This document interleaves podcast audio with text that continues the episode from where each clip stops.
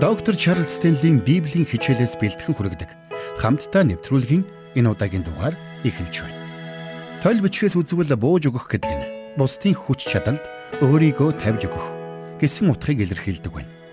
Гэтэл бидний хувьд өөрийн амьдралын жолоог бусдад атгуулна гэдэг санаанд багтамгүй хэрэг мэд санагддаг шүү дээ. Эсвэргээр бид амьдралаа өөрийнхөө хяналтад бүрэн авч бүх шийдвэрээ биедан гаргахыг хүсдэг. Гэтэл Бурхны төлөвлөгөө биднийг Бурханаас бүрэн хамааралтай амьдрахыг шаардаж байдаг. Тиймээс Бурханд үйлчлэх үйлчлэлдээ үр нөлөөтэй байхыг хүсвэл цаашлаад итгэлийн амьдралдаа үр жимстэй байхыг хүсвэл бид өөрсдийн амьдралын жолоог Бурханд бүрэн атгуулж түүнд нөхцөл болцолгүйгээр буун өгч сурах учиртай юм. Өөрөөр хэлбэл гэр бүл, ажил хөдөлмөр, цаг зав, санхүү мөнгө гээд бүхий талбараа бид бурханд бүрэн дүүрэн өргөнө гэсэн үг. Тэгвэл өнөөдөр доктор Стенли биднээс та Есүс Христэд нөхцөл болзолгүйгээр бууж өгөхдөө бэлэн байна уу хэмээн асууж байна. Хамтдаа доктор Стенли ярианд анхаарлаа хандуулцгаая.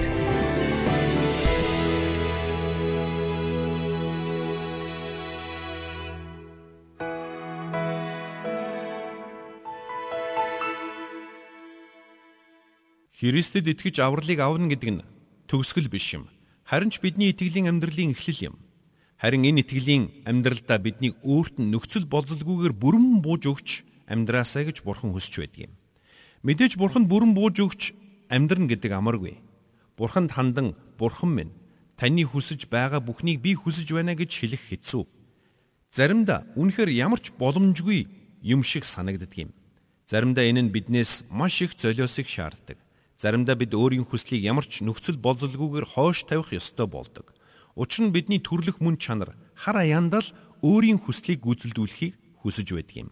Өөрийн замаар явж, өөрийн төлөвлөгөөг биелүүлж, өөрийнхөөрөө байхыг хүсэж байдаг. Хэрвээ бидний хүсэл зориг Бурхны хүсэл зоригтой нийцэж байгаа цагт өөрийн хүслийг дагахад буруу зүйл байхгүй. Харин бидний хүсэл Бурхны хүсэлтэд зөрчилдөх үед түүнийг хоош тавина гэдэг амаргүй. Бурхан биднийг тэрхүү буруу хүсэл зорилгоо хоош тавихыг биднээс шаардах үед үүнийг нь гүйцэлдүүлнэ гэдэг тун хэцүү. Тэгвэл өнөөдөр би Бурханаас итгэвч хүн бүрд өгөгдсөн дөрвөн талт амлалтыг танд сануулмаар байна. Та анхааралтай сонсоорой. Бас хэсэг хугацаанд та өөртөө маш шудраг хандаасай гэж хүсэж байна. Учир нь энэ тал дээр шудраг байх бидний хувьд жаахан хэцүү байж болох юм. Өнөөдөр Бурхан танд юуг айлдаж ямар алхмыг хийгээсэй гэж хүсэж байгааг би мэдэхгүй. Бас тэр зүйлийг нь та дуулууртаагаар хийсэн эсхийг ч би мэдэхгүй. Хэрвээ хийгээгүй бол ямар шалтгаан шалтгаанаар ч ингэж хийгээгүй би мэдэхгүй. Гэхдээ юу гэж би бурхны өмнө очоод бурхан минь ээ би үүнийг хийж чадахгүй гэж хэлэх бүрд бурхан надад чи чаднаа гэж хэлдэг. Хамгийн гайхалтай нь би тэр зүйлсийг итгэлээрээ хийж эхлэх үед үнэхээр хийж чаддаг байсан. Учир нь Бурхны тусламжтайгаар бидний хийж чадахгүй зүйлсийг Бурхан хизээж бидэнд даалгахгүй байх байсан. Тиймээс хэрвээ Бурхан таныг ямар нэгэн зүйлийг хий гэж хэлсэн бол та тэр зүйлийг хийж чаднаа гэсэн үг. Өнөөдөр Бурхан таныг юг хийгээсэ гэж хүсэж байгааг би мэдэхгүй ч тэр зүйлийг та хийж чадна гэдгийг л би мэдэж байна. Тиймээс та нэг зүйлийг бодоод үзээрэй. Өнөөдрийг хүртэл Бурхан танд ямар зүйлийг сануулсаар, ямар зүйлийг хийх ёстой хэмээн ятгахсаар байна вэ? Тэдгээр зүйлсээс та хэдийг нь дуулууртаагаар дагсан бай. Бас хэдийг нь өнөөдрийг хүртэл гүйцэл дэвлэлгүй хоош тавьсаар арга цаасаар байна вэ?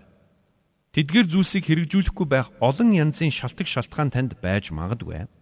Гэхдээ та тэр зүйлийг Бурхны хүслийн дагуу хийхгүй байна гэдг нь та тэр зүйлд өөрийнхөө хүслийн дагуу хандаж байна л гэсэн үг шүү дээ. За тэгэхээр одоо хамтдаа Библийн шинэ гэрээ номны Ромын загтлыг нээгээд Паулийн хэлсэн үгийг харцгаая. Ром номын 12 дугаар бүлгийн 1 дээр инхүү өгүүлсэн байна. Ийм дахтуунараа Бурхны өрөвч сэтгэлээр та нараас хичээнгүлэн хүсье. Өөрсдийн биеийг Бурханд тааламжтай амьд ариун тахил болгон өргөө. Энэ нь та нарын сүнслэг мөргөл юм а гэж хэлсэн байна. Хуучин гэрээний үед хин нэгэн хүн Бурхан тахил өргөхдөө өөсөөгөө хургийг тахилчид авчирч өгдөг байсан. Тэгээд тахилч тэр хургийг тахилын ширээн дээр нядлаж шатаал тахил болгон өргөдөг байсан. Хэрвээ би тэр хургийг тахил болгон тахилчид өгсөн л бол тэр тахил бүхэлдээ тахилчийн гарт шилтсэн гэсэн үг.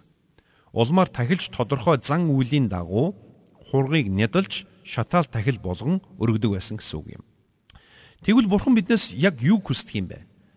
Тэр биднийг өөрсдийн амьдралыг бурханд тахил болгон өргөөсэй гэж хүсдэг юм байна. Харин бид амьдралынхаа тодорхой нэгэн хэсгийг л тахилын ширээн дээр тавихыг хүсдэг. Бурхан минь би ийм зүйлээ танд өргөж байна тийм зүйлээ танд өргөж байна гэж залбирдаг. Харин Бурхан биднийг ингэж залбираасаа гэж хүсдэг. Бурхан минь ээ. Би танд амьдралаа бүхлээр нь өргөж байна хэмээн хэлээсэй гэж хүсдэг. Өөрөөр хэлбэл бид амьдралынхаа ихэнх хэсгийг Бурханд өргөхдөө бэлэн байдагч зарим зүйлсийг өөрийнхөө хяналтанд байлгахыг илүүд үздэг юм. Гэтэл бид өөрсдийн амьдралаа Бурхны хүслээр биш өөрийн хүслээр жолоодох гэж оролдох үед Бурханаас бидэнд бэлдсэн хамгийн сайныг хүлээн авах боломжоо алдаж байдаг юм. Эсвэргээрээ бид өөрсдийн амьдралын жолоог Бурханд атгуулж, Бурханд нөхцөл болзолгүйгээр бууж өгөх үедээ Бурханаас ирэх хамгийн агуу ивэл өрөөлийг хүлээн авах боломжийг өмнөө нээж байдаг юм. Учир нь бид Бурханд өөрсдийгөө бүрэн зориулснаар Бурхан бидний амьдралыг хүслийнхээ дагуу жолоодож бидний амьдралд ивэл өрөөлөө хүссэн арга замаараа буулгах эрхийг Бурханд өгч байдаг юм. Нэгдүгээрт нь. Харин хоёрдугаарт бидний амьдралын үр нөлөө хамгийн дээд хэмжээгээр нэмэгдэж байдаг юм.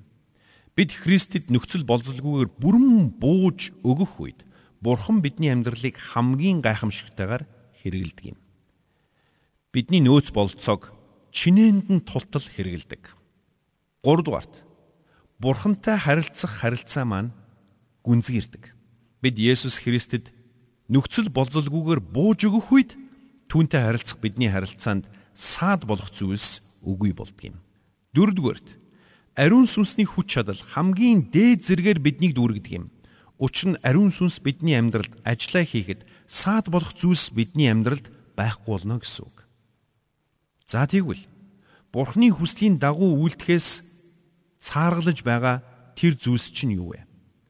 Саяын дүрдэгдсэн ивэл өрөөлүүдийг хүртэхэд энэ нь танд саадуулж байна гэсэн үг. Хамгийн гол нь та тэр зүйлсийг хийж чадахгүй байна уу? Эсвэл хийхийг хүсэхгүй байна уу? Бид олон зүйлсийг хийж чадахгүй гэж хэлдэгч угтаа бол хийхийг хүсэхгүй байдаг юм. Тэгвэл би танаас асууя. Христтэй харилцах таны харилцааг зогсон байдалд оруулах ямар нэгэн зүйл таны амьдралд байсаар байгаа юм биш үз? Бурханаас танд өгсөн боломж бололцоог өөр зорилгоор ашиглаж байгаа юм биш үз? Бурхны төлөө биш өөрийнхөө ашиг сонирхлын төлөө зориулж байгаа юм биш үз? Бурхны хүссэн ажлыг хийхийн оронд өөртөө тааламжтай зүйлийг хийсээр байгаа юм биш үз? Хэрвээ Бурхан танд ямар нэгэн зүйлийг хийх гэж айлцсан ч та тэр зүйлийг нь хийхээс татгалцсаар байгаа бол энэ нь Бурхныг эсэргүүцэж байна гэсэн үг юм. Бид энэ үйлдэлээ хичнээн гоёор тайлбарлсан ч энэ бол Бурхныг эсэргүүцсэн эсэргүүцэл юм. Зарим хүмүүс ингэж хэлдэг. Би Есүс Христэд итгэсэн учраас аврагдсан. Тиймээс би заавал баптизм хүртэх шаардлагагүй гэж ярьдаг. Үгүй ээ. Та мөнхийн өмсөд орохын тулд баптизм хүртэх шаардлагагүй ч Бурханд дуулууртай байя гэвэл баптизм хүртэх ёстой юм. Энэ нь та нөхцөл болзолгүйгээр Бурханд бууж өгч байна гэсэн үг юм. Тийм ч учраас агуу зарлагта эзэн Есүс бидэнд баптизм хүртхийг тушаасан. Бид Есүст итгэсэн бол энэ тушаалыг дагах ёстой. Есүс Христэд итгэсэн итгэлээ гэрчилж баптизм хүртэх нь бидний дуулууртай дагах ёстой тушаал юм. Магадгүй та дотроо би уснаас айдаг гэж өөрийгөө зөвтгөж болно. Үүнээс аргалж болно. Магадгүй зарим нь надад ийм зав байхгүй гэж хэлж байж болох юм. Хэрвээ тийм бол тэр хүн айдсаа ялах ёстой тэр хүн цаг заваа гаргах ёстой. Бид Бурхныг дуулууртай дагахгүй байх мянга мянган шалтгаан шалтгаанууд хэлж болох ч тэдгээрийн нэг нь ч Бурхны мэлмэд тааламжтай биш юм. Эндээс та нэг зүйлийг ойлгосоо гэж би хүсэж байна. Үнэн дээр итгэгчд бид Бурханд хандан олонтой залбирдагч ихэнх залбирал маань тааз мөргөд буцаад унаад ирдэг юм. Үр дүнгүй байдаг юм. Яг гэвэл бид ихэнхдээ Бурхны өмнө дуулуургүй амьдардаг. Бид Бурхны үгийг дуулууртаа дагахаас цааргалж, элдв шалтак тоочдөг юм. Ингиж тоочдөг атлаа Бурхан бидний залбирал заавал хариулах ёстой гэж нэхэж хүлээдэг. Гэтэл тийм биш ээ. Магадгүй та дотроо тэгсэн ч надад зөндөөл олон сайн зүйлс тохиолдсон шүү дээ гэж бодож өгж болох юм. Тэгвэл би танд Ром номын 2 дугаар бүлгийн 4-ийг уншиж өгье. Эсвэл Бурхны инэрэнгүй чанар өөрийг чинь хөтлөн гимшилд хүргэдгийг та мэдэлгүй. Түүний инэрл хүлцэл ба төвчээрийн баяныг басамжлах уу гэж Паул бичсэн байна. Үнэн дээр Бурхан заримдаа бидний анхаарлыг өөртөө татахын тулд бидэнд сайн зүйлсийг зөвшөөрдөг гэдгийг бид ойлгох хэрэгтэй. Өнөөдөр Христэд итгэгчид бид Бурханд өөрсдийгөө бүрэн дүүрэн зориулахаас цааргалах үед үр дагаварт нь юу болдгийг та мэдхүү. Үүнээс болоод бид Бурханд итгэх боломжтой байсан сая сая хүмүүсийн сүнсийг алдаж байдаг. Бурхны хаанчил зориулагдж болох байсан олон зуун тоогоор хилэгдэх хөрөнгүүдийг бид алддаг юм. Бурхны хүмүүс Бурхны үгнээс зөрчиж, үйлчлээс хойш сууж, би ийм зүйл хийнэ, харин тийм зүйлийг хийхгүй хэмээн цамаан зан гаргах үед бид маш олон хүнд сайн мэдээ тарааж, маш олон хүнийг сургаж, маш олон хүнийг илгээж, маш олон сүм чуулган тарих боломжуудыг алдаж байдаг юм. Нэг найз маань надтай хамт өдрийн хоол идэж байхдаа ингэж хэлсэн юм. Пастора, өнөөдрийн номлол надад үнэхээр таалагдлаа. Үнэхээр сэтгэл хөдлөм номлол байсан. Гэхдээ би танд нэг юм хэлчихье.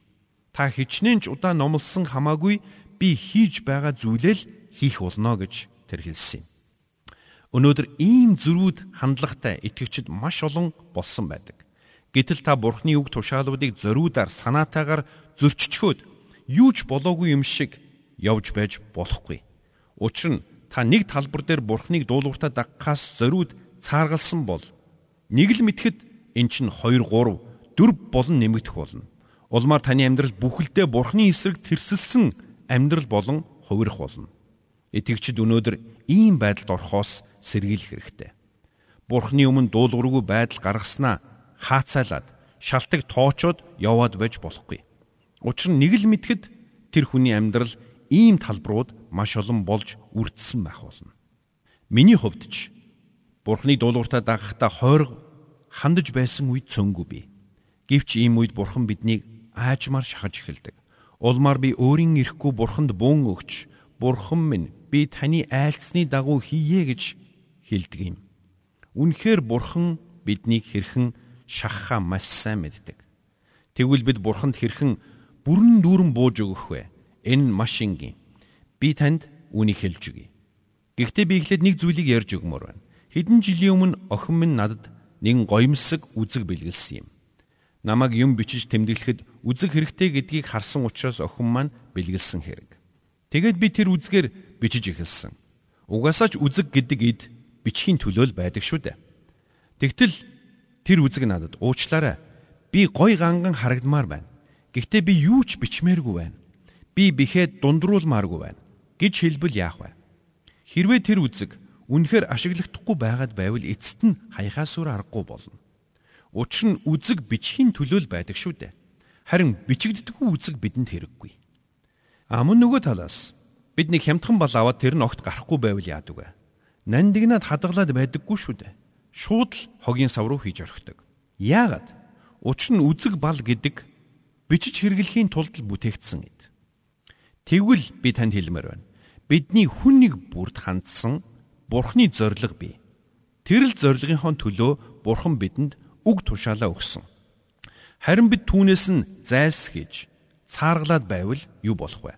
Бид бурханд үйлчилж, түүнийг алдаршуулж, түүнийг хүндлэх боломжоо алдаж байна гэсэн үг юм. Гэтэл бурхны тогтоосон тэрхүү зорилгын дагуу алхахаас цааргалсаар байгаа бидэнд бурхан ямар их төвчээртэй хандсаар байдгийг та төсөөлж байна уу? Бид гарахгүй байгаа балыг шууд хайж орхидог бол бурхан биднийг хайж орхидоггүй. Тэр нэгүсэл дотроо биднийг хүлээдэг. Гэхдээ хүлээлтэд цаг хугацаа гэж бий. Тэр цаг хугацаа дуусахад хүлээлт дуусна. Тиймээс бид Бурхны бидэнд хандсан зорилгын дагуу амьдрахаас татгалзан он жилүүдийг өнгөрүүлсээр байгаа бол тэр нь бид амьдралаа дими үрж байна гэсэн үг юм. Та Есүс Христэд итгэсэн атлаа түүнд амьдралаа бүрэн зориулахгүй амьдарч байгаа бол гархаас татгалзаж байгаа үзэг шиг байна гэсэн үг юм. Тэгвэл бид Бурханд хэрхэн бүрэн дүүрэн бууж өгөх вэ?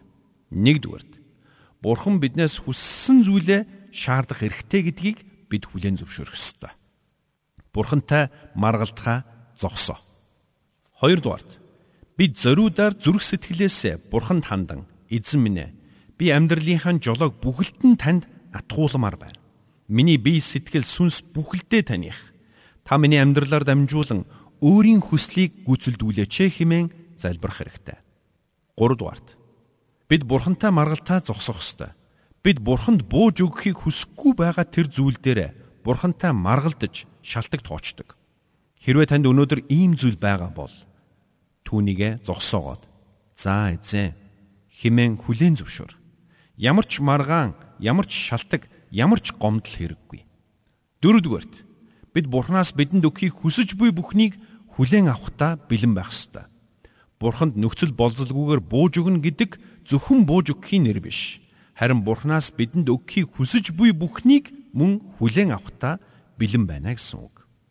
Бурхан биднийг санхүүгийн хувьд хангаж ивэж өрөөхийг хүсэж байж болно. Тэгвэл та үүнийг хүлээж авахдаа бэлэн байна уу? Бурхан танд ямар нэгэн гайхамшигтай боломжийг нээж өгөхийг хүсэж байж болно. Тэгвэл та үүнийг нь хүлээж авахдаа бэлэн байна уу? Эсвэл Бурхан танд тодорхой эрх мэдэл бүхий байр суурийг өгөөд үүнийг хариуцлагатайгаар сахилга баттайгаар гүйцэлдүүлэхийг хүсэж байж болно. Тэгвэл та үүнийг хийхдээ ч мөн бэлэн байна уу? Магадгүй Бурхан танд өөрийн хайрыг дүүргэж өгөхийг хүсэж байж болох юм.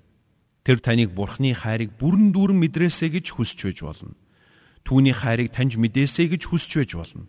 Тэгвэл та түүний хайрыг ч мөн хүлээж авахтаа бэлэн байна уу?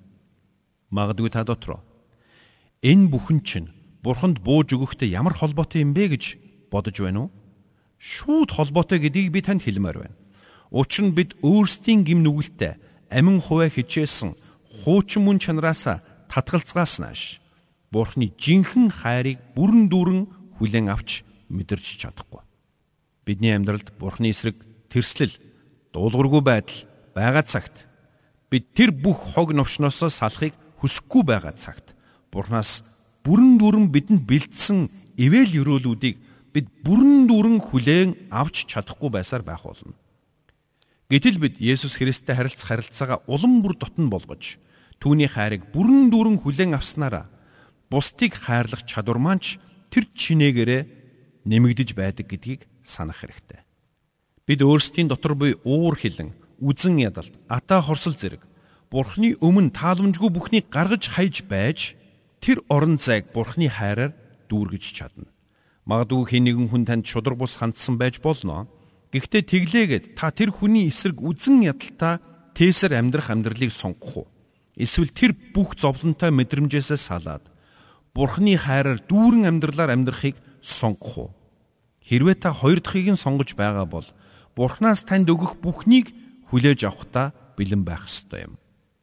Үүний дараа бид Бурханд нөхцөл болзолгүйгээр бууж өгөх энэ шийдвэрээ итгэлээр хүлээж авах ёстой юм. Эзэн минь би таны хүслийн дагуу энэ бүх зүйлийг сайн дураараа хийх болно химэн эргэлзэлгүйгээр итгэлээрээ залбир.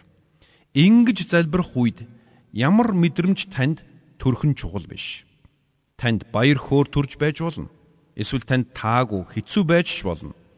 Энэ бүхэн огтоос чухал биш. Та мэдрэмжийг хоош тавиад хийх ёстой зүйлээ итгэлээр хий. Эцэст нь бид ариун сүнснээс бүрэн хамааралтай байх ёстой. Учир нь бид тэр бүхнийг өөрсдийн хүчээр хийж чадахгүй. Найз минь бидний амьдралд байсан зарим асуудлыг бид зөвхөн ариун сүнсний хүчээр л шийдэх боломжтой байдаг гэдгийг санаарай. Тэгэд энэ цагийн төгсгөлд би танд нэг зүйлийг түргэн сануулахыг хүсэж байна.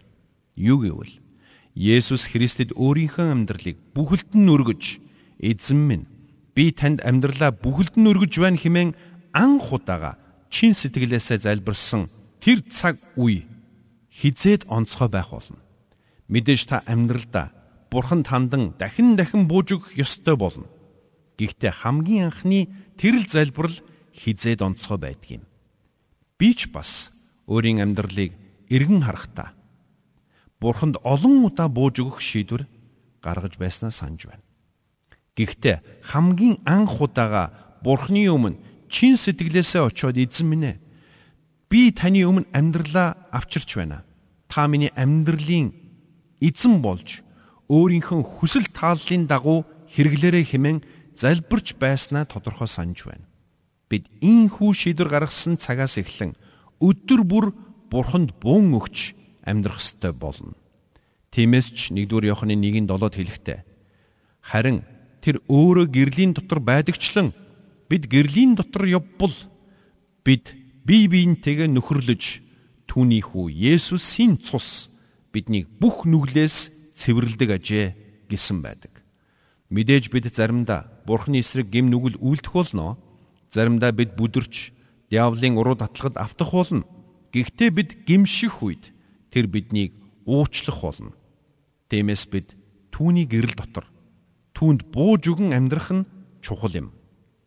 Ингээд бодохоор энэ нь нэг бодлын маш энгийн. Гэхдээ нөгөө төгөр заримдаа энэ нь маш хэцүү. Тиймээс би танаас нэг зүйлийг асууя. Та бурханд бүүн өгч бурхны танаас хүсэж буй зүйлийг дуулууртаагаар гүйцэлдүүлэхдээ бэлэн байна уу? Бурхны дуулууртаа дагснараа Бурханаас танд бэлгэлсэн тэр хамгийн агуу ивэл юрүүл хамгийн агуу үр нөлөө хамгийн агуу нөхөрлөл ариун сүнсний хамгийн агуу хүч чадлыг хүлээж авахтаа бэлэн байна уу? Бурхантай харилцах харилцаа минь миний хувьд амьдралын минь бусад зүйлсээс илүү үнцэнтэй байж чадж байна уу? Өнөөдөр доктор Чарлз Стенли биднийг өөрсдөөсөө ийхүү асуухыг уриалж байна. Энэ асуултад өгөх таны хариулт Бурхантай харилцах таны харилцаа хэр гүн гүнзгий болохыг илтгэх болно. Хэрвээ та Бурханы хүсэлд үг дуугүйгээр бууж өгөхийг хүсэхгүй л байгаа бол Бурханаас танд хүсч буй хамгийн агуу ивэл юрэл, хамгийн агуу нөхөрлөл, хамгийн агуу үр нөлөө, ариун сүнсний хамгийн агуу хүч чадлаас татгалзаж байна гэсэн үг. Гэтэл Бурхан бидэнд чухамдаа ийм л ивэл юрэлийг хүсч байдаг. Тиймээс таныг зүрхэндээ шийдвэр гаргаж бурханд бүрэн дүүрэн бууж өгөхийг би ядгаж байна. Заримдаа танд бурхан алсгал байгаа юм шиг санагддаг уу? Заримдаа бурхан таны залбирлыг огт сонсохгүй байгаа юм шиг мэдрэмж төрдөг? Хэрвээ тийм бол бурхан өөрт нь итгэгч хүн бүртээ ойр байдаг гэдгийг өөртөө сануулаарай. Бурхан тантай хамт байгаа гэдэгт итгээрэй. Би танд урам зориг өгөхийн тулд Дуулал 143-ийн 8-аас 11-р ишлэлийг уншиж өгье. Өглөө бүр хайр нэрлээ надад сонсгооч. Танд л би итгэдэг үлээ. Явах замыг минь надад зааж өгөөч. Танд л би сэтгэлээ өргөн байна. Аяа эзэн намайг дайснуудаас минь авраач. Таны дотор би хорогдно. Та миний бурхан учраас тааллыг тань гүйцэлдүүлэхийг надад заагаач. Сайн сүнс тань намайг тэгш газарт удирдна. Аяа эзэн нэрийнхээ төлөө намайг амьлуулаач зөвхт байдлынхаа төлөө сэтгэлийг минь зовлон шаналнгаас ангижруулаач. Библийн энэ л үгсээс та урам зориг авч итгэлийн амьдралдаа тууштайгаар үргэлжлээрэй.